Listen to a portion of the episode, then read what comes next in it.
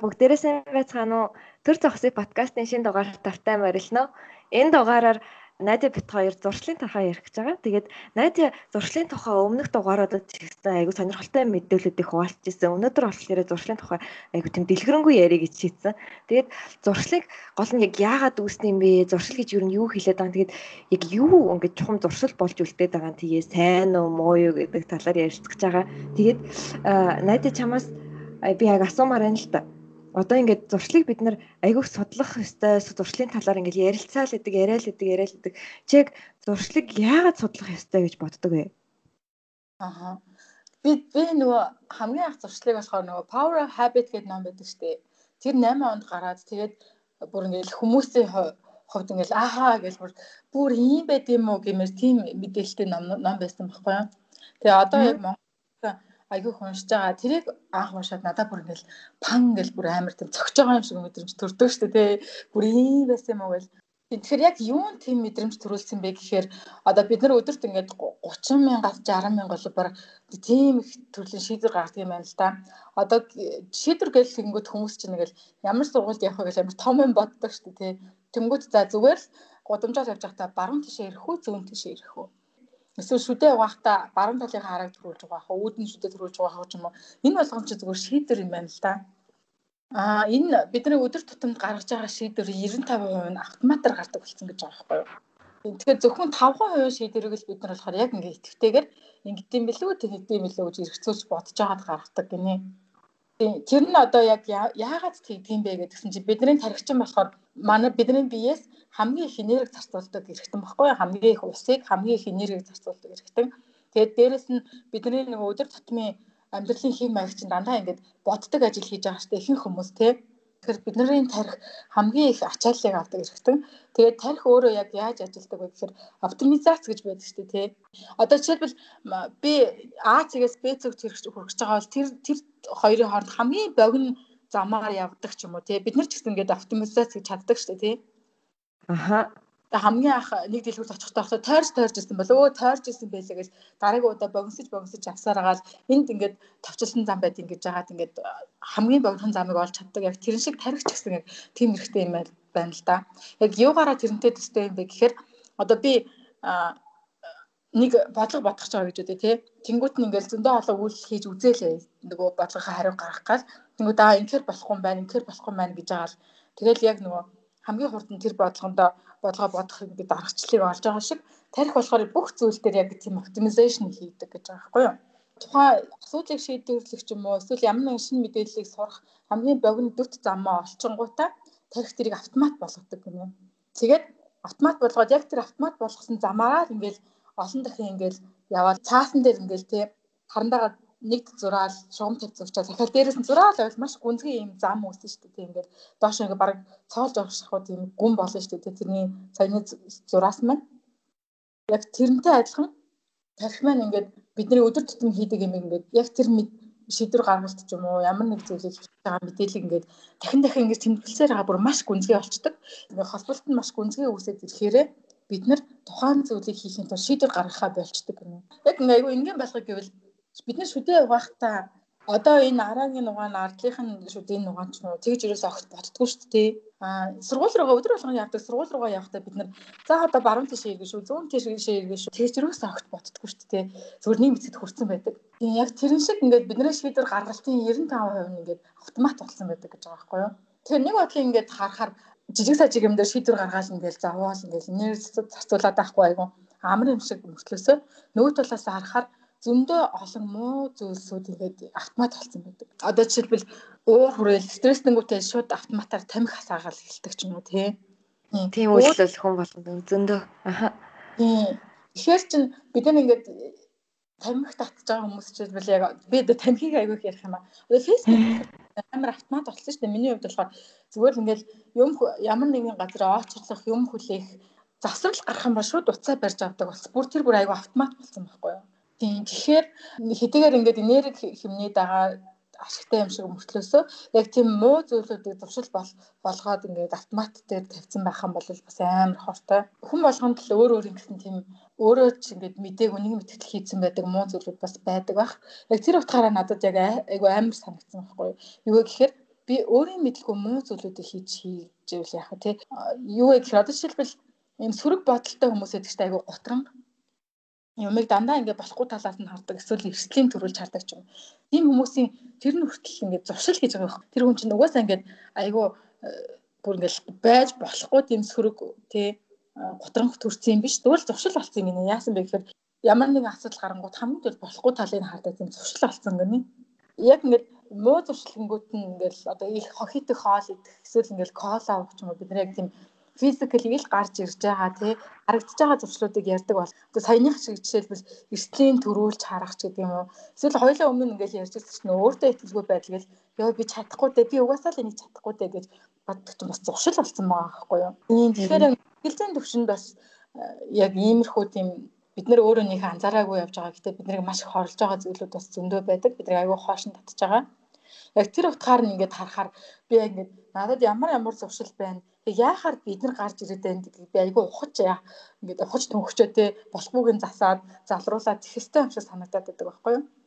А дээрэс нь бас яагаад энийг судлах айгүй чухал юм бэ гэхээр нэгэнт зуршил болсон зүйлийг ингээд өөр зүйлээр солиход амар хэцүү байдаг байхгүй юу? Өөрчлөлт бол маш их удажж ирдэг те аюух практик хийж иж шин зүйл сурдагтай яг адилхан нэгэнт тогтсон юм зуршлыг итгэвтэйгээр зөндөө олон удаа ингээд за болио шүү болио шүү гэж ингээд засардаг гэж байгаа байхгүй юу Тэр одоо нэг хоёр удаа л ингээл анзаараад өө би ингэдэг юм байна гэдээ өнгөрөх биш ингээд яг юм тогтсон муу зуршил дээр бол итгэвтэйгээр ингэж ажиллах шаардлагатай болчихж байгаа байхгүй юу? Аа ер нь зуршил яагаад үүсдэг юм бэ? Яаж зуршил бий болд юм бэ гэдгийг ярив. Тэгэхээр сая бидний тарих яаж ажилтгтай холбоотойгоор зуршил үүсдэг гэдгийг ер нь ойлгох гэж нэлээд хичээл. Харин юу зуршил болоод идэм бэ гэхээр олон удаа давтагдсан үйлдэл зуршил болчтой юм л да. Одоо бид нар ингэдэг штеп Гэхдээ ингээл ажиллаг гараал очивол ганцаараа байжснаа уйдсан гэж бодъё.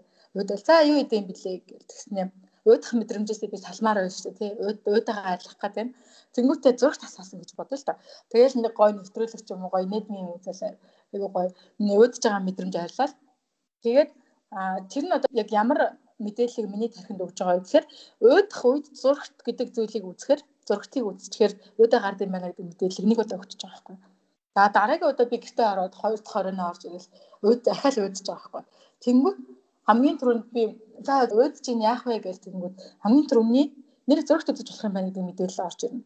За энэ мань өдөр болгон хийгээд явсаар байх юм бол би өөдөх гэдэг мэдрэмж орж ирэнгүүт нь автоматар зураг зураг тасаадаг болсон байх байхгүй юу? Тийм тэгэхээр ингээд зуршил ингээд айгүй юу юм random тийм санамсаргүй байдлаар үүсдэг юм шиг мөртлөөсөө бид нар ер хамгийн анхны одоо ямар нэгэн мэдрэмж төрөхөөр нэг шийдвэр гаргаад нэг үйлдэл хийгээд байна шүү дээ тий. Тэрийг бол итгэлтэй ингэ шийдвэр гаргаж хийж байгаа. Тэрийг олон дахин давцаар хаал зуршил болгочих тийм байна л да. Тэгээд сүүлд уншсан Atomic Habit гэдэг ном байдаг. Тэрэн дээр зуршлыг ерөнхийдөө айгүй мэдрэмжтэй ойлгосон байдаг. Бид нар чинь одоо уйдах, ингээ баярлах, гуниглах ч юм уу ингээд мэдрэмжүүд ингээл байнга ирээд солигдоод байж идэв шүү дээ тий хүмүүс ихэвчлэн ямар нэгэн үйлдэлийг ямар нэгэн мэдрэмж авахын тулд юм уу эсвэл одоо байгаа таагүй мэдрэмжээс салахын тулд үйлсүүд хийдэг гэж байгаа байхгүй юу? Аа. Яг саяны зорилгоор ингээд зуршил бий болох тохиолдол айгүй их байдаг гэнэ. Одоо жишээлбэл би ингээд жоохон стресс тэмдгүүдийн нэрэндээс айгүй скрин тайм айгүй их болчдөг байхгүй юу? Тэгэхээр ингээд стресстэй ингээд уур хүрээд ч юм ингээл ёо гэж бодогдсон үедээ би нөгөөхөн мартагнах гээд байгаа байхгүй юу. Тэнгүүд миний Facebook, Instagram-ын хэрэглээ болохоор миний хувьд баг нөгөө толгой өвдгөр хүн толгойн юм уугаад өвчин намдагч хэрэгэлдэг шиг тийм өвчин намдагч шиг үүрэгтэй болоод ороод ирсэн. Тэгээ яг миний асуудлыг шийдэх үү те миний стресстэй байгаа асуудлыг шийдэх үү гэхээр ердөө ч үгүй тэгэл төр зүйл нь мартагнуулах тийм нөлөөтэй болоод ороод ирсэн байгаа байхгүй юу. Тэгэхээр хүмүүс уйдах мэдрэмжээр дараад ингээд 6 entertained тийм мэдрэмж те баяр хөөртэй болох ч юм уу эсвэл ингээд сайн стресс тэгэхээр тэр мэдрэмжээ дарахын тулд эсвэл ямар нэгэн орой болгон кино үздэг тийм зуршилтай болсон хүмүүс байдаг шүү дээ. Кино үзэх нь гоё л да. Гэтэ миний бодлоор итгэхгүй зуршил, итгэхгүй activity болохоор нэг тийм урт хугацаанд байнга хийх зүйл, зүйл гэж би нэг боддггүй л. Тэгээ энэ бол миний хувийн бодол. Гэхдээ яг нөгөө entertain байхын тулд баяр хөөргийг авахын тулд тийм зүйлүүдийг хийгээд тэгчж байгаа байхгүй юу. Би сая хэлсэн шүү дээ. Одоо ингээд би ажлын аягүй стресстэй болохоор ингээд Facebook-ийн ухаад эхэлдэг гэдэг. Тэнгүүт миний хувьд ингээд rationally бодоод үзэхээр яг би намайг юу зааваагаад энэ ажлаа хамгийн түрүүнд хийчихвэл болно. Хамгийн ухаалаг шийдвэр нь тэр шүү дээ тий. Ингүүт би ерөөсөө ч тэгдэггүй. Одоо тэгээд стресстэй эхлэх юм бол яг үнэндээ шинжтэй ухаанчаар хандах юм бол яавал стресс таалагдах вэ? Би би гараад нэг байгаль 5 минут алхах ч юм уу. Эсвэл жинд жиндээд ингээд стрессээ гаргах хэрэгтэй байхгүй юу? Хамгийн эрүүл, хамгийн надад ашигтай, хамгийн урт хугацааны хувьд sustainable шийдэл нь бол тийм байх хэрэгтэй. Тэнгүүд харамсалтай нь би ингээд стресс тэнгүүтээ автоматар скрин таймаа нэмэгдүүлдэг ч юм уу. Тэгээд хэр дэлгэцний нөгөө цэнхэр туяа ялгараад улам намайг ядраад яг үнэндээ би өөрийгөө ингээд холоод байгаа байхгүй юу? Бид нар болохоор яг тэр одоо Facebook үзэхдээ Instagram-ыг одоо хэр зэрэг муу тэг хичнээх ядраадаг гэдгийг ингээд өмнө бид нар ярьсан шүү дээ тий. Тэгээд хамгийн Facebook-ийн зуршлын одоо ганц асуудал нь болохоор айгүй амархан байгаад байгаад ингээд зуршил болчдөг юм шиг санагдаад байгаа байхгүй надад. Яг л одоо уцаа зүгээр нээгээд тэгээд Facebook руу ороод тэгэл шууд доошоо эргүүлээд эхлэхэд ер нь хамгийн амархан үйлдэл хаа. Тэг бүр би эхэлж байгаа үеэ мэдэрдэггүй Тэгээд нилээн байж байгаад анзаардаг. Ер нь би ч гэсэн ингээд стресстэй үедээ ч юм уу эсвэл санаа зовсон үедээ ч юм уу бас яг ингээд нэг э, өөр нэг юм үйлдэл хийх гээд эхэлдэг. Тэгээ надад э, яг юм юу сонирхолтой санагдаад байгаа гэхээр ягаад тэр үйлдэл маань намайг нэг тайвшруулах үйлдэл уг нь баймаар та тий. Тэгэхгүй нэг э, одоо улам бараг стресстүүлдэг үйлдэл байгаад байгаа хөөхгүй уг нь. Би бол ингээд өнөндөө Facebook үзснээс амар стресс нү гэхээс ерөөсөө тайвширдаггүй. Гэтэ яагаад ч өргөж дандаа ял Facebook дээр чи үргэлж нэг муухай мэдээнд өгдөг те. Тийм тийм жоохон хүүхдийг л тэгээд л алчсан л гин. Тэгэл тэн тэдэн хүн тэгэл нас урсан. Тийм өвчин гарлаа л ерөөс ганц жолигтай байхгүй би тэгээл өгдөг. Тэгэхээр ингээд өөрийг ингээд өөртөө тийм сайхан мэдрэмж өгөх гэж үзэж байгаа юм уу гэхэлэр үгүй. Тэгээд надад энэ аягүй сонь санагдаад. Тийм наад чинь би бас нэг өөр нэг зүйлтэй холбож тайлбарлах болох юм шиг санагдлаа. Instant gratification гэдэг ойлголт өгдөө шүү дээ тий. Хүний тарих болохоор нөгөө нэг айгу гэс тийм кайф аваад гэс гой үр дүн харах тийм сонирхолтой юм л да. Аа. Тэгээд easiest тийм хийж байгаа. Хамгийн амархан тэг хамгийн үр дүнгээс харагдаж байгаа юм шиг тийм үйлдэл хийдэг гэж байгаа байхгүй юу? Магадгүй одоо хоёулаа ингэж яг мэдээд дээ. Яг стресс байгаа тохиолдолд жим явах хэрэгтэй юм байна. Шинжлэх ухаанаар кончер бодоод үзэх гэж байгаа мөртлөөс аль нь ч тэгдэггүй байх жишээ нэ тий. Тэгвэл хоёулаа гялс үр дүн авдаг юмыг илүү хайгаад байгаа. А нөгөө тэгвэр бас а яг одоо нөгөө таагүй стрессийн мэдрэмж төрөнгөт нь хоёулаа ингээд Facebook ухтыг туршил алгацсан байгаа байхгүй. Тий. Одоо таагүй мэдрэмж төрүүлэнгүүт нь э, нэг юм юу сэтэл өгөөд штэ тий. Ямар нэг юм хийх хийх хэрэгтэй байна би өөрчлөгдөх хэрэгтэй энэ мэдрэмжийг алах болох хэрэгтэй гэдэг сэтэл нь үүсэнгүүт хоёулынгийнх нь респонс буюу битээр хариу үйлдэл шууд Facebook болоод ингээд автоматар үүссэн байгаа байхгүй юу? Тэгээд маа нөгөө э, энэ фейсбукээс чинь үнэхээр сайхан болох байгаа мань харин ч бүр муухай болоод байгаа байна гэдгийг хоёулаа магадгүй олон удаа ухсныхаа дараа таньж мэдсэн байж магадгүй. Facebook эргүүлэхээр амар муухай мэдрэмж төрдөг хэрнээ? Болж болохгүй амар тийм хачин эхэлж байгаагаа мэдрэхгүй. Тэр эхэлж байгаа мэдрэхгүй гэдгийг бол би бүр амар ойлгож санагдаа. Тэгээд бас нэг сони юм одоо ингээд за жишээ нь би ингээд уйдлаа гэсэн триггер нь одоо төрөө тэгээ би одоо ингээд за Facebook үзлээ гэж. Гэтэ гол нь надад яг ингээд уйдлаа гэсэн үедээ үзэн. Гэтэ нөгөө талаас одоо ажил хийж хийж байгаа за зүр завсарлая гэд тэнгуут ингээд надад хийж болох юм амар их байгаа штэ тий. За бүр арга ядлаа хэд сайхан хөгжим сонсч болно шүү дээ би. Үгүй хуцаа уралдана. Тэгээ Facebook эргүүлнэ. Яагаад гэдгийг мэдэхгүй. Харин тийм screen time бол үнэхээр ингээд яг тэр нөгөө донтуулдаг шинжтэй нэг зүйл байгаад байгаа байхгүй бас нэг элемент. Тийм. Тамхи татдаг хүмүүс бүгдээрээ тамхины хохроо шиг мэдж байгаа. Өөрсдийнх нь бие махбодод ямар дэмэж өгж байгааг мэдж байгаа тий. Чихэрт донтож байгаа хүмүүс одоо нөгөө junk food гэдэг хүмүүс бүгд мэдж байгаа хэрнээ бүгдэнд нь нэг тийм донтуулдаг хорхоо өргөдөг зүйл байгаа болохоор яг тэр хорхоо өргөж байгаа мэдрэмжийг дийлж чадахгүй байгаа байхгүй юу? Харин тийм. Чиг стресстэй үедээ илүү их одоо жишээ нь энэ мод урталтаа одоо илүү их автдаг гэсэн шүү дээ тий. Нэг юм ойлголттой шүү дээ одоо нөгөө хүний prefrontal cortex одоо яг тийм анхаарал төвлөрүүлэх, өөрийгөө удирдах, тий сэтгэл санаагаа удирдах, төлөвлөгөө гаргах мэтийн тийм үйлдэл хийдэг хэсэг нь одоо стрессээр амар ядраад сул дорой болчихдөг юм байна л та. Тэгэхээр яг тэр сул дорой болсон тийм үедээ ингээд бүр ингээ болчооч гэхээс илүү тийм ингээ хийдгээ гэж чамд анзаарагддаг. Нэрээ тийм юм байна шүү те. Одоо ингээд бид нар чинь стресстэй байна. Эсвэл emotionally айгу exhausted болсон тухай хоёлаа ярьж байгаа шүү дээ. Тэр үед ингээд өө жим явъя гэж шийдвэр гаргахын оронд юу гэхээр өмнө зүгээр л таатай санагдчихсан ч юм уу эсвэл зүгээр л нөгөө даалт авахсан минь сууцсан нөгөө автоматар бий болдог ямар нэгэн зүйлийг шидээд байгаа байхгүй юу? Харин тийм бүр айгүй тийм хамгийн их ажлын ачаалттай ч юм уу хамгийн их дарамттай үед бүр ингээд өөрийгөө дийлхэ болчдаг. Өдөртхөө аргагүйгээр ингээд юу утас оролдох, хачаа чи юм идэх. Өөр нь ямар муу зуршлын бүгдийг нь ер нь ингээд хийгээл тэр бол хүн болгоолт гэж байгаа штэ. Will power гэдэг ном дэр гардаг ч тий. Бидний сэтгэлийн тэнхээ гэдэг чинь бол одоо нэг юм савн дотор байгаа ус гэл бодъё. Тэгэл бид нар үгээс баг багаар угаал оройн дуустдаг ч юм уу тий. Нэргүй болцсон яг тэрэн шиг. Тэгэд өглөө ингээд сэрэл яг сэргэг сэрсэн дараа хамгийн их байж байгаа л ингээд өдөрт одоо би ямар нэгэн зүйлийг төвчж байгаа шүү дээ. Одоо чи нэг чихрээ төвчсөн за боли болигээд төвчгчэн хүртэл миний тэр нөгөө энергиэс зарцуулж байгаа байхгүй юу? Сэтгэлийн тэхэнээс маань Юу тэгэж нөгөө өөрийгөө ялан дийлээ төвчээр гаргаад ингэж яах мантай болчихж байгаа байхгүй юу? Хамгийн ухаалаг шийдвэр нь болохоор auto pilot дээр тавиал Facebook-өө ухах биш магадгүй зүгээр унтах хэрэгтэй байхаа тий.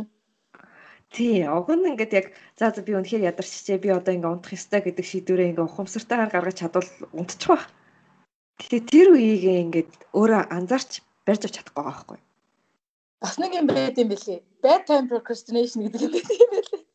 Procrastination байгаа шүү дээ тий. Юм хоошин тавих. Тэнгүүд хүн ямар нэгэн стейтэд байгаа байхгүй. Одоо жишээлбэл сууж агаад босхоос залхуурах, босцсон байвал суухаас залхуурах гэдэг чинь бүгд procrastination юм байна л да. Нөгөө э, зүгээр л одоо буудан дээр суугаад байж байгаа ч юм уу, соролтод байж байгаа гэдэг зүйлээс унтах гэдэг зүйлийг хийх чинь бас нэг хөдөлгөөн хийх гэдэг.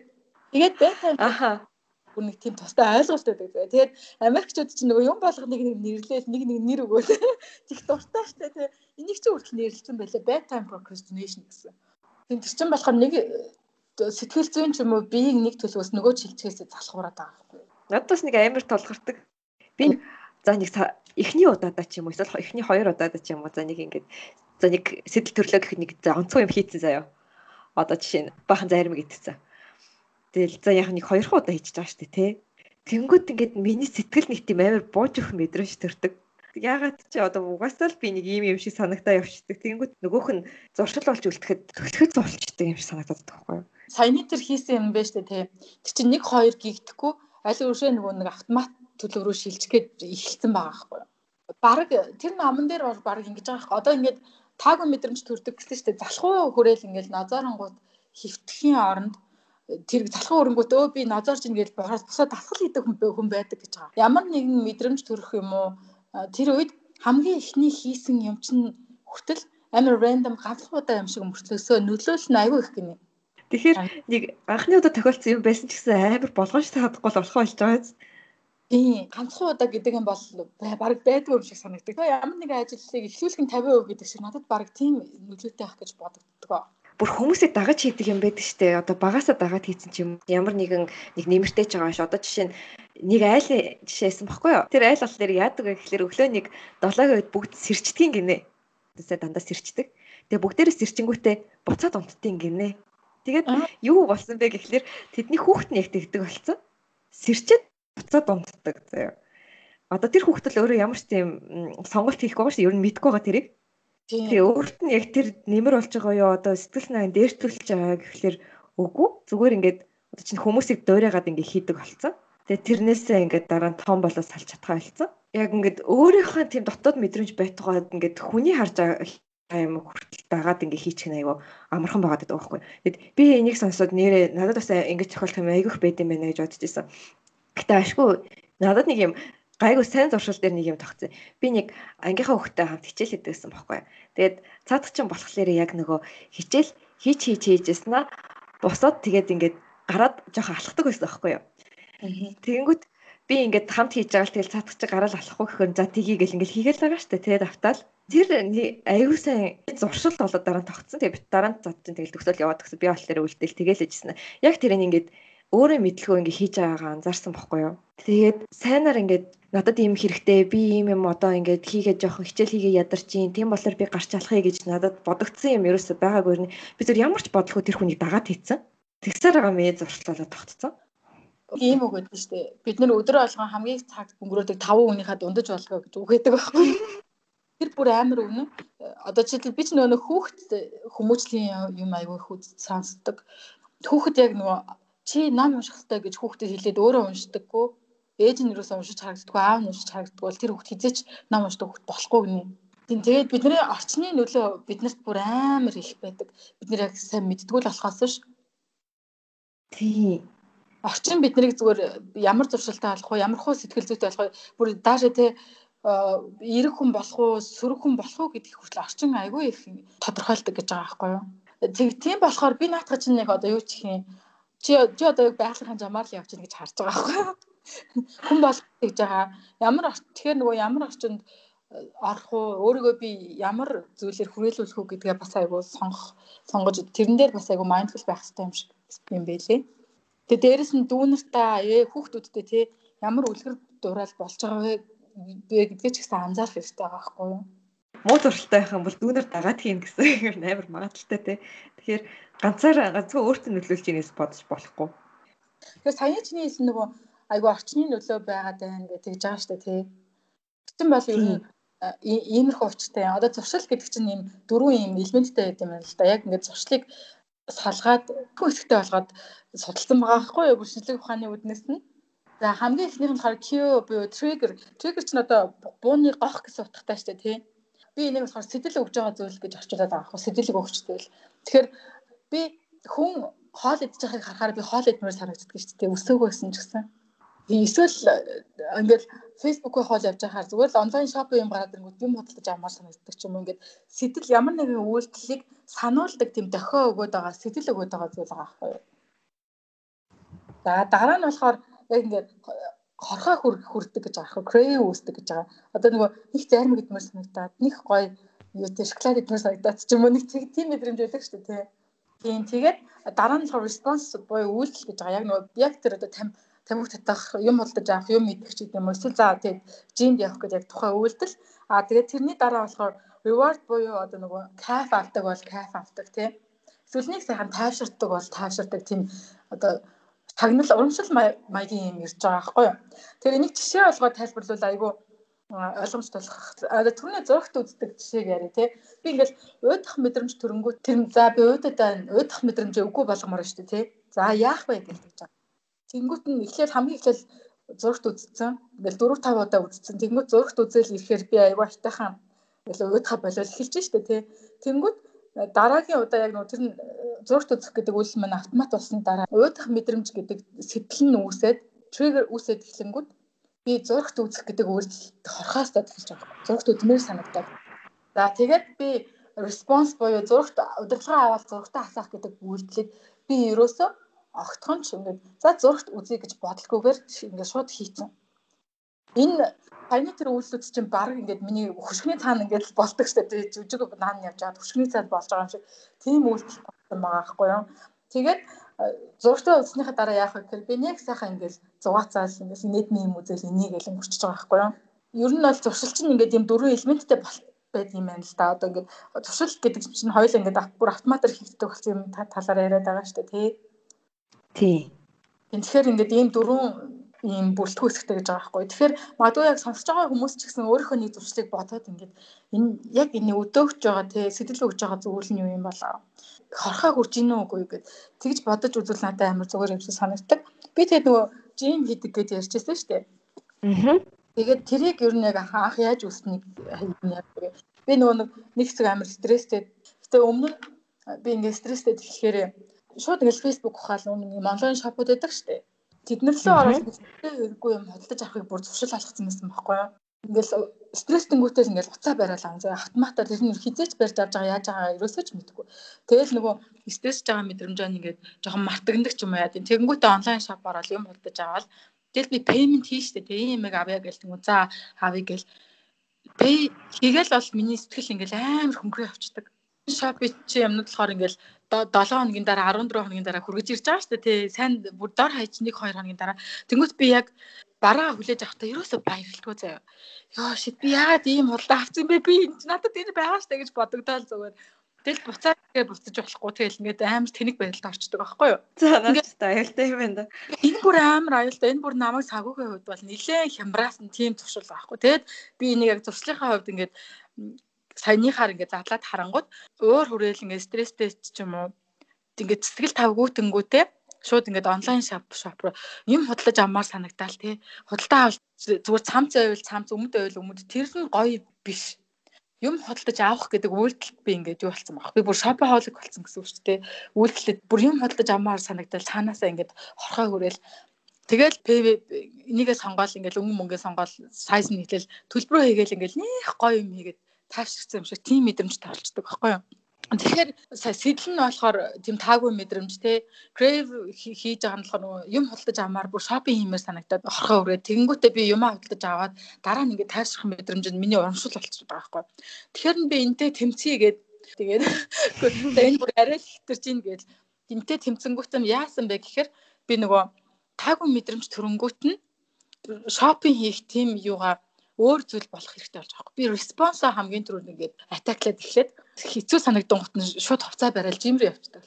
Тийм тэгэл нөгөө жимний чинь үр ашиг нь ихэндээ мэддэхгүй шүү дээ. Тэг ингээл тийм тийм их бие ачаал авч үзээгөө хүн чинь ингээл ядраал бүр улам ингээл нозороол ядраал бүр хит их бие ачаалч гэж бодоод тэнгууд яг тодорхой бие жоохон ачаалт агаад эхэлсэний дараагаар нөгөө жимний дараа чинь амар гоё нэгдүгээрт нөгөө өөрийгөө ялан дийлсэн гэдэг мэдрэмж айгүй гоё яадаг.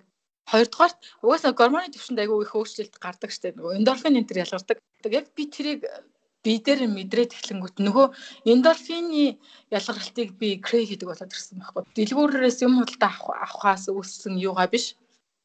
Тэгээд саяхан яг миний ясны жишээнээс харсан бах те яг энэ нөгөө зуршлыг дөрвөн ийм бүрэлдэхүүн хэсэг болгоод салгаж ойлгосон нь ямар давуу талтай юм бэ гэхээр саяны миний хэлсэн шиг худалдан авалт хийдэг, хит их худалдан авалт хийдэг, хэрэггүй зүйл худалдаж авдаг муу зуршлыг би ийм ийм зүйлүүд нь бүрэлдэхүүн хэсэгтэй юм бай гэж таньснараа нэгийг ингээ реплейс их боломжтой болчих. Өөр зүйлээр орлуулад. Жишээлбэл стресстэх ч юм уу таагүй мэдрэмж ирэх гэдэг зүйлээс би бол хизээч ингэж зогтож чадахгүй шүү дээ. Энэ бол ирнэ. Тий. Ортноос ч үүснэ. А харин тийм мэдрэмж ирэх болгонд нь миний өгж байгаа хариу үйлдэл нь айгу тийм эрүүл зүйл, надад ашигтай зүйл ядаж ашигтай зүйл биш юм а гэхэд ядаж намайг бүр хорлоод байхаар зүйл байх хэрэгтэй болчихж байгаа байхгүй юу. Тэгэхээр яг энэ зуршлаас хамгийн гол энийг таньж мэдснээрээ авах нэг зүйл нь болохоор юу юм гэхээр одоо биднэрт байдаг сайн муу аль аль зуршил болохоор ингээд а ийм дөрвөн бүрэлдэхүүн хэсэгтэй юм байна. За муу зуршил дээр жишээлбэл жишээ аваад ярих юм бол ямар нэгэн муу зуршил байгаа бол саяны дөрвөн зүйлийн аль нэг нь дрон ингэж атак хийсэн тий аль нэг нь сольдог ч юм уу болилдог ч юм уу. Тийм байдлаар ингэж муу сурчлаасаа салж болохоор байгаа байхгүй юу? Энэ удаагийн эпизод айгу урт болох гээд байгаа болохоор хоёлаа сайн зуршлыг бий болохыг дараагийн удаа ярий.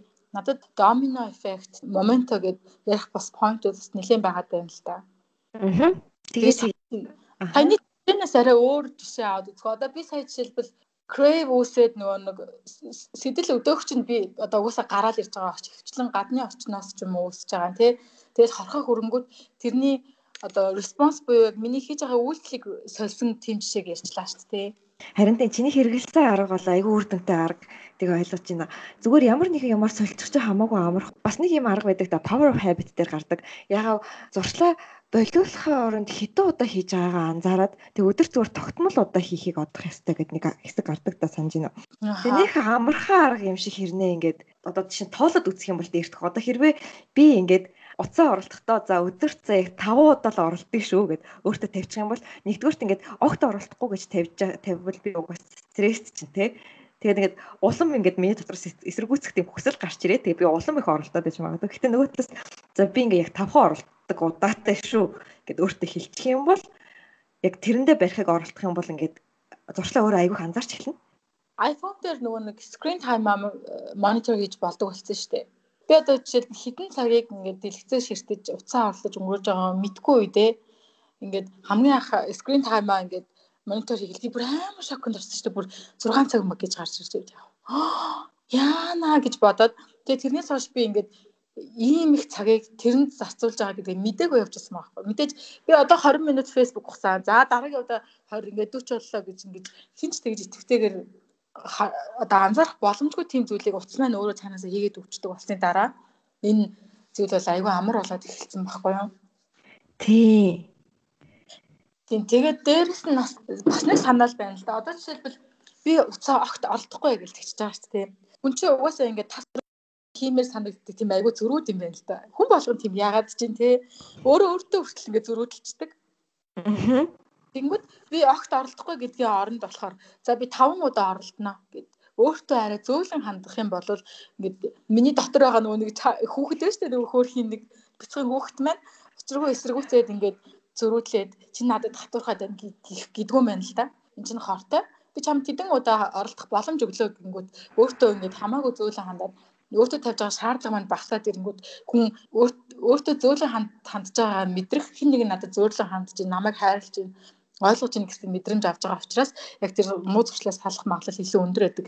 Тэгэхээр хүмүүс яг муу зуршлаас салахтаа нийтлэг гардаг алдаа нь болохоор тас хорох гэдэг гинэ. Тэнгүүд багасгах арга эсвэл баг зэрэг тэр одоо хорхоогоо дараад орхих орхих гэдэг аргыг бол хэрэгжилж байгаа хүмүүс бол илүү их үр дүнд хүрэх магадлалтай байдаг. Тий. Тэгээд бас нөгөө ингээд тас хороод зөөстэй энэ бол үнэхээр муухай юм. Үнэхээр энийг хийж болохгүй гэх үедээ хүн өөрөө айгүй стресстэй. Тэгээ стресс болохоор нөгөө түрүү ярьсан тархины уртлын хэсгийг айгүйх ядраадаг. Одоо prefrontal cortex-ийг. Тэгэхээр тэр маань ядарчаар биднэрт ингээд өөрийгөө удирдах боломж байна. Улам улам бага болоод идэг. Тэгэхээр стресстэйгээр зуршлаа ингээд болно гэвэл болох магадлал хамаагүй баг. Аль болох тайван өөрийгөө тийм тайвшруулах аргаар нөгөө зуршлаасаа болох хэрэгтэй болоод байгаа байхгүй юу? Харин тийм. Наа чи бүр яг тий аюугайснаа хитрхи чанга дайт барьчдаг штеп хүмүүс ингээл хамаг юм хасаал. Тэр хүмүүс төвчээр алдаад буцаад идэхээрээ бүр өмнө иддэг байсансаа их идээд ингээл 2 кг хасаал 4 нэмэл 2 хасаал 4 нэмэл бүр харин ч тархалдаг гэж байгаа байхгүй юу? бүр өөрийнхөө нөгөө нэг сэтгэлийн тэнхээ хит их ядраах бол бүр бүр харин ч эсрэгээрээ тийм үр дүнг авчирдаг санах ёстой юм нь ихлээр одоо муу зуршлаас боллоо гэхээр одоо шууд болно гэсэн үг шүү дээ тий. Би тэрэн дээр аяг халтдаг аахгүй. Одоо бид за би одоо өстөн тэгэхээр ингэж фейс орохгүй ээ гэд өөртөө хэлчихэж байгаа. Гэтэ нэг орчиж байгаа аахгүй. Тэнгүүтэл за за би одоо нэг орцоо одоо ингээ өнгөрсөн гэд. Тэгээ тэр чигээрээ ингээ шууд болоо тэ улам их оролдоод ах магадлалтай. Тэгэхээр ингээд өөрийгөө нэг юм жоохон ингээл болоод тэгэл өмнөхөөсөө арай бага оролцож ивэл ингээ ялалт байгуулчих шүү гэдгээ хүлээж авахгүйгээр нэг оролцсон бол за тэгэл өнгөрлөө одоо ингээл тоглоом дуусаа баяртай гэж ойлгоод байдаг байхгүй юу. Тэр чинь айгүй удаан одоо баг нэг зуршлыг өөрчлөхийн тулд тэр power of habit дээр баг 8 9 сар ордог гэж гардаг та. Тийш дээ. Хойлоо ч ингээд бүр хийсээр хагаад автомат болоод нөгөөхөө анзаарахгүй хийдэг болсон бүр гүн тогтцсон юмны тухай ярьж байгаа байхгүй тий. Тэнгүүд одоо докторсны хэр бүртгийг арилгахын тулд хэр удаан зүлэх хэрэгтэй байлээ тий. Яг тэрэн шиг байдаг. Өмнөхөөсөө за нэг нэгээр ч гэсэн багассан байвал тэр чинь айгүй том амжилт. Ганц удаа ингээд эргэж ороод эсвэл одоо нэг хүн турлаа гэхин тулд дахиж бичээ идэхгүй гэд. Тэгээд тэнгуүт нэгийг идчихэж байгаа шүү дээ. Тэнгуүт айгүй гутраад шууд дахиж идмээр байгаа. Гэхдээ нөгөө талаас зөстө нэгийг идсэн гэхдээ зүгээр тэгээд одоо ингээд идж байгаа ерөнхий хэмжээ маань багасж байгаа болохоор одоо дээртж байгаа гэж хүлээж авах хэрэгтэй. Аа. Энэ дээр бас юм байгаа. Одоо нөгөө бид нар чинь прогрессыг гинт харах гэдэг тийм хүмүүс байгаа хгүй төвчээр муутай. Одоо жишээлбэл 5 цаг хугацаа оролдог хүн 4 цаг 30 минут оролцсон бай. 4 цаг 30 минут стил ихээ тэрийг ойлгож. Гэхдээ би 30 минут багсаж чадсан байна. Өөрийгөө 30 минут би ялч дийлсэн юм шүү дээ, тий. Би тэрнээсээ бас нэг урамшил аваад нөгөө түрүүний habit дээр хэлжсэн дөрвөн ийм элементтэй бүрэлдэхүүн хэсэг байсан шүү дээ тий. Тэрний хамгийн сүүлийнх нь рүү зөвс чиглэлтэн тийм өөрчлөлт хийж болж байгаа байхгүй. Юу гэхээр би өөрийгөө жоохон ч гэсэн ялна гэсэн гэдгээсээ гэдгээрээ өөрийгөө бүр бахархаад өөртөө баяр хүргээд тэр бол яг нөгөө нэг саний дээр reward үүсгэх нэг арга байгаад байгаа. Тэгээ би чиний саяны хэлснийг бүр үнэхээр ойлгож байна. Ялангуяа нөө жим йогтай үед болохоор би бол нэг ч удаа таслахгүй ямар ч under any circumstance те ерөөс таслахгүй гэсэн барьдаг болсон. Яагаад гэхээр нэг таслангууд хоёр дахь таслалт айгүй амархан болчдөг. Бүр ингээл айгүй гоё тасламар оргиол 3 4 таслаад тэгэл хаяа. Тэр бүр яг тийм муу юм эрэхтэй айгүй хутан байдаг. Гэтэ одоо чи тасалж ийсэн үү? Тасалгүй яах вэ? Тэгээ тэр үедээ за за зүгээр тэгтээ дахиж явна гэж шийдсэн байж тээ. Би хамгийн гол нь таслаад ингээд 5 6 сар бараг тасалчингуудаа заяа бүр ингээ йогыг хийхэд болол 5 6 сар бодоод бүр сүултээ ингээд нуруу төрөө өвдөлтөл явдаг байхгүй. Тэгэл дараагийн удаа ингээл ороод тэгээд тэр чинь нөгөө ер нь таслах гэдэг чинь өөрөө юм амар моментоо юм биш үү те нэг тасалж байгаа дараагийнх нь ингээл аюу амархан таслахад амар болоод ирдэг гэдэг мэдснээсээ хойш тэр чинь бас ингэж таньж мэдэх гэж бас нэлээ удаан штэ. Дөрөв жил яг а гэж хэлж байгаа мөртлөөс яг итгэвтэй хийж байгаа нь 5 6 сар юм шиг үлээ. Би саяхан нэг тоосч үзсэн байхгүй юу? Тийм яг таслсан их байгаа байхгүй юу? Дунд нь хаяж таслсан айгүй. Харин тийм ээ. Тэгээд бас чи жимдээ одоо ингээ яваад таслахгүй тул яг ямар арга хэрэгэлдэг вэ? Эсвэл зүгээр л ингээд таслахгүй гэж бодоод очтгоо эсвэл ямар нэгэн тийм өөртөө одоо төлөвлөгөө гаргах эсвэл тэр таслахгүй байхыгаа илүү амархан болгох тал дээр юм хийдэг үү? Аа эхэндээ болохоор яг нөгөө миний амар тийм дэд сэтгэл гутралын үед таарсан. Тэгээ дээрэс нь би нөгөө гормоны өөрчлөлт орж исэн гэж хэлчихсэн. Тэгээ тэр гормоны өөрчлөлтийн үед болохоор ингээл би айгу тавгүй болдог байхгүй гинт халаал гинт хөрөөл ингээл халуурж байгаа юм шиг болоод ч юм уу тий. Тэгэхээр би тийм мэдрэмжтэй байх нь миний хувьд бүр амар хэцүү. Тэгэхээр надад жимд явахаас өөр ямар ч сонголт байгаагүй. Нэрүүл амьдралын хэм маягтай бол дасгал хөдөлгөөн хий гэдэг тийм юм эмч prescribe хийж өгч байгаа байхгүй юу. Тэгээд яг нэг 2 сарын дараа би нөгөө миний биений ачаалал айгүй нэмэгдээд ингээд гүйсэнчтэй тийм хэдэн минутгүйгээд нэг 30 минут дасгал хийсэн чи бага ядардаг болоод тэгэхээр миний бие ингээд залхуурах нь айгу баг болчтой юм билэ. Одоо нөгөө дасгал хөдөлгөөн хийх гэдгийг resist хийгээд ингээд эсэргүүцэх нь гайгүй болчдөг. Тэгээ дээрэс нь яг эндорфин ялгарч ирээд ирдэг штэ. Тэнгүүтээ бүр крейв хийдэг болчихж байгаа байхгүй. Би бүр жинд яахгүй үед амар стресстэй. Яг тэр хүртэл нь бол явж чадсан тий. Миний хувьд болохоор ирэх reward гэдэг зүйлийг би мэдэрсэн. Тэрийг крейв хийдэг болсон байгаа байхгүй юу? Аа. Гэхдээ хэрвээ одоо жим шиг юм ингээд биеийн хувьд одоо өөрчлөлт оруулаад ингэдэг үйлдэл биш. Зүгээр өөр нэг үйлдэл байсан гэж бодъё л тоо. Тэгвэл нэг тиймэрхүү үйлдэлийг ингээд тогтоохонд бол юу хийх вэ? Одоо юу юу хийх үр дүн нь яг ингээд бот дээр гардаггүй гэсэн үг? Эсвэл өөртөө айгүй урт хугацаанд мэдэгддэг гэж бодъё. Гэтэ ер нь яг үнэндээ бид нар бүх хүн яг тийм зүйлүүд дээр хамгийн их залхуурдаг шүү дээ. Аха. Тэгээ миний хувьд болохоор яг яадаг вэ гэхээр өмнө яг өмнөний өмнөх дугаартаас бас гэрлээтэй хамт ярьсан л та. Урт хугацааных нь нөгөө ашиг тусын дээр илүү фокуслаад би энэний ард гарчих юм бол ингэ шүүгээд тэгээ миний хувьд яг ямар арга ашигладаг вэ гэхээр ганцаараа байгаад тэгээд нэг аюу юм цагтаа яг өөрөө өөртөө ажиллах боломж гарсан үедээ би тэр үр дүнг visualize. Нэг actually миний надад ирсэн юм шигээр бодоод яг тухайн үед би одоо жишээлбэл би ингээд жим бадитэй болчлаа шүү дээ. Амар гоё битэй болчихвол би яг ямар авах бол гэх юм өөртөө амар гоё итгэлтэй те ингээд айгүй гоё эмгтэй хүмүүс явчихдаг шүү дээ те. Яг тийм өөрийгөө өдөөд тэгж ингэж visualize хийх байдлаар би өөрийгөө мотивацжуулдаг ааха Тийм байна. Яг ирээдүйд тэгж бодоод ол шийдвэр гаргахад бол үнэхэр болж байна. Муу зуршлаас салахын тулд бид нэр ингэж ярьсан шүү дээ. Одоо жишээ нь ингэ зурагт үздэг зуршлалаа гэхэд бодин дээр суулаа гэвэл одоо жишээ зурагт үзэх ёстой гэсэн нэг юм юм. Ингээд өөртөө юм дүрм үсгчдэг те. Тэгээд дараа нь чи болохоор нэг номноос аа ингээд төлөвлөгөө гаргах тухай ярьсан да. Хэрвээ ингээд нэг юм хийгээд Тэгээ дараа нь ингээ би ийм юм гарганаа дараа нь ийм юм хийнэ гэдэг ийм төлөвлөгөө гаргасан бол ингээд тэр муу юм хийх хийхээс зайлсхийх айгүй амархан. Жишээ нь жимээ тараад тэгээ дандаа өлсдөг болохоор амар хортой хоол идмээр санагдаад байдаг аахгүй юу? Амар өлсцөн гарчдаг ядарсан.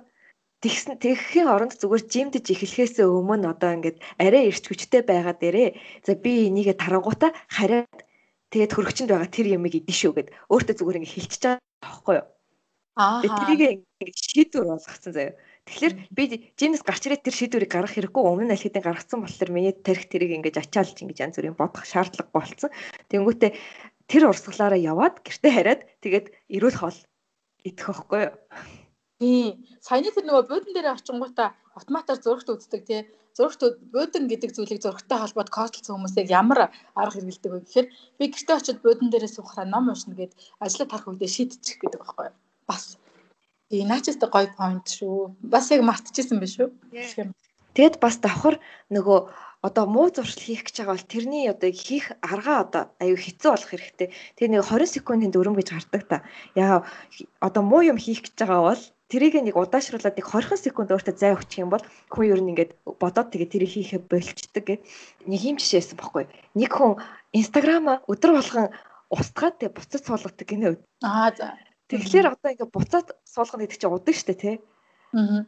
Тэгээд тэрийг хүлээн тэгж яах орондороо оролдох болчтын гинэ. Ааха. Өө нэг юм ярихаар нөгөөх нь гарч ирдэг. Би яг нөгөө шопохолик зуршлаасаа яаж саалсан бэ гэхээр би юм хөдлөж амаар санагдахаараа 24 цаг хүлээдэг болсон байхгүй. Тэгээ маргааш нь стил би нөгөө зүйлээ хараад надад хэрэгтэй санагдаад амаар санагдаж байвал авна. Үгүй бол авахгүй гэдэг тийм дүрмтэй болсон. Тэнгүүд ихэнх зүйл маргааш нь бодохоор өө надад нэг юм байдаг штэ гэж бодогддог. Тий. Тэг чи яг стресстэй үедээ яг юм худалдаж авмаар болохоор тайвширсныхаа дараа бол тэр юм надад хэрэггүй юм байна гэд ойлгочихж байгаа тий. Харин тий. Э энэ аргыг манай нэг найз ярьж хэлжсэн юм. Манай найз бас амар стресстэйгээр дэлгүүр явах дуртай байхгүй. Тэг янз бүрийн юм худалдаж авах дуртай. Тэгээд нэг юм арга өөртөө зохиосон гэсэн. Одоо жишээ нь сагсанд юмнуудаа аваад цуглуулаад хийгээл хэдэм байх л та гэр ахын дэлгүүрт. Тэгээд яг хамгийн сүүлд цагтай нэг газар тавьснаа гараа авчдаг гэж байгаа байхгүй юу? Яг худалдаж авах үйлт нь ерөөсөө өөрт нь чухал биш. Тэр юм сонгоо сакс руугаа хийж явах мэдрэмж нь аягүй чухал гэдгээ ойлгоцсон. Аа за. Ингээд сакс руугаа хийчлээ минийх болчлоо гэл тэгэл нөгөө өөрийгөө сэтгэл ханамжаа өөртөө авангуудаа мөнгө өрөхгүйгээр гараа юм шүү дээ. Тэр яг хөдөлдөг чинь дараа нь хараад аягүй ууралдаг л ахaltaг. Тэгээ манай найзд бол үнэхээр нэмэр болдог гэсэн. За ер нь харин тийм ээ. Яг нөгөө саяын хоёулангийн ярьсан онлайн төвшөнд бол зөвл зүйл юм л та тийм үү. Тэгээ цаана яг нэг хүнийг бол өнгөрдөг л бацаа яах. Тэгвэл тэр үний ажил юм чинь дээ гэнэ. Тийм ээ тийм найдагийн ярьснаар яг ямар үйлдэлээс болоод надад ийм зуршил ингээд үүссэн бэ? Яг ямар мэдрэмжээ би дарах гад одоо яг ийм юм хийгээд аваа гэдгийг мэдрээд тэгээ тэрийг ингээд яавал би жоохон өөрчилчих болох вэ гэдээ ингээд бодох юм бол хүн бас аюу өөртөө эвтэйхэн аргаар ингээд солиод тий эсвэл ингээд анзаарч эхлэх юм бол багасгаад тэгэхээр янз бүрийн аргууд байгаа даа байхгүй юу? Өнөөдөр найдаг ийм сэдв сонгоод энэ талаар ярилцсанд үнэхээр баярлж байна яг саяны хэлсэн чинь бүр яг үнэ. Яг нөгөө анзаарах бол хамгийн ихний бөгөөд хамгийн чухал алхам. Бид нар нөгөө 90% байгаа зүйл огт анзаарахгүй яваад байдаг. Тэнгүүд анзаарч яг хизээ би ингэж байгаа юм бэ? Яг ямар нөхцөлд орохоор би энийг хийгээд байгаа юм бэ гэдгийг мэдэх бол бүр хамгийн том зүйл гэж байгаа байхгүй юу? Тэгэхээр өнөөдрийн дугаарыг дуустал сонссон сонсогч танд үнэхээр баярлалаа. Тэгээд нэг ч болсон хэрэгтэй зүйл хэлсэн байх гэж үнэхээр найдаж байна дараагийн дугаараар дахин уулзлаа баяр таа.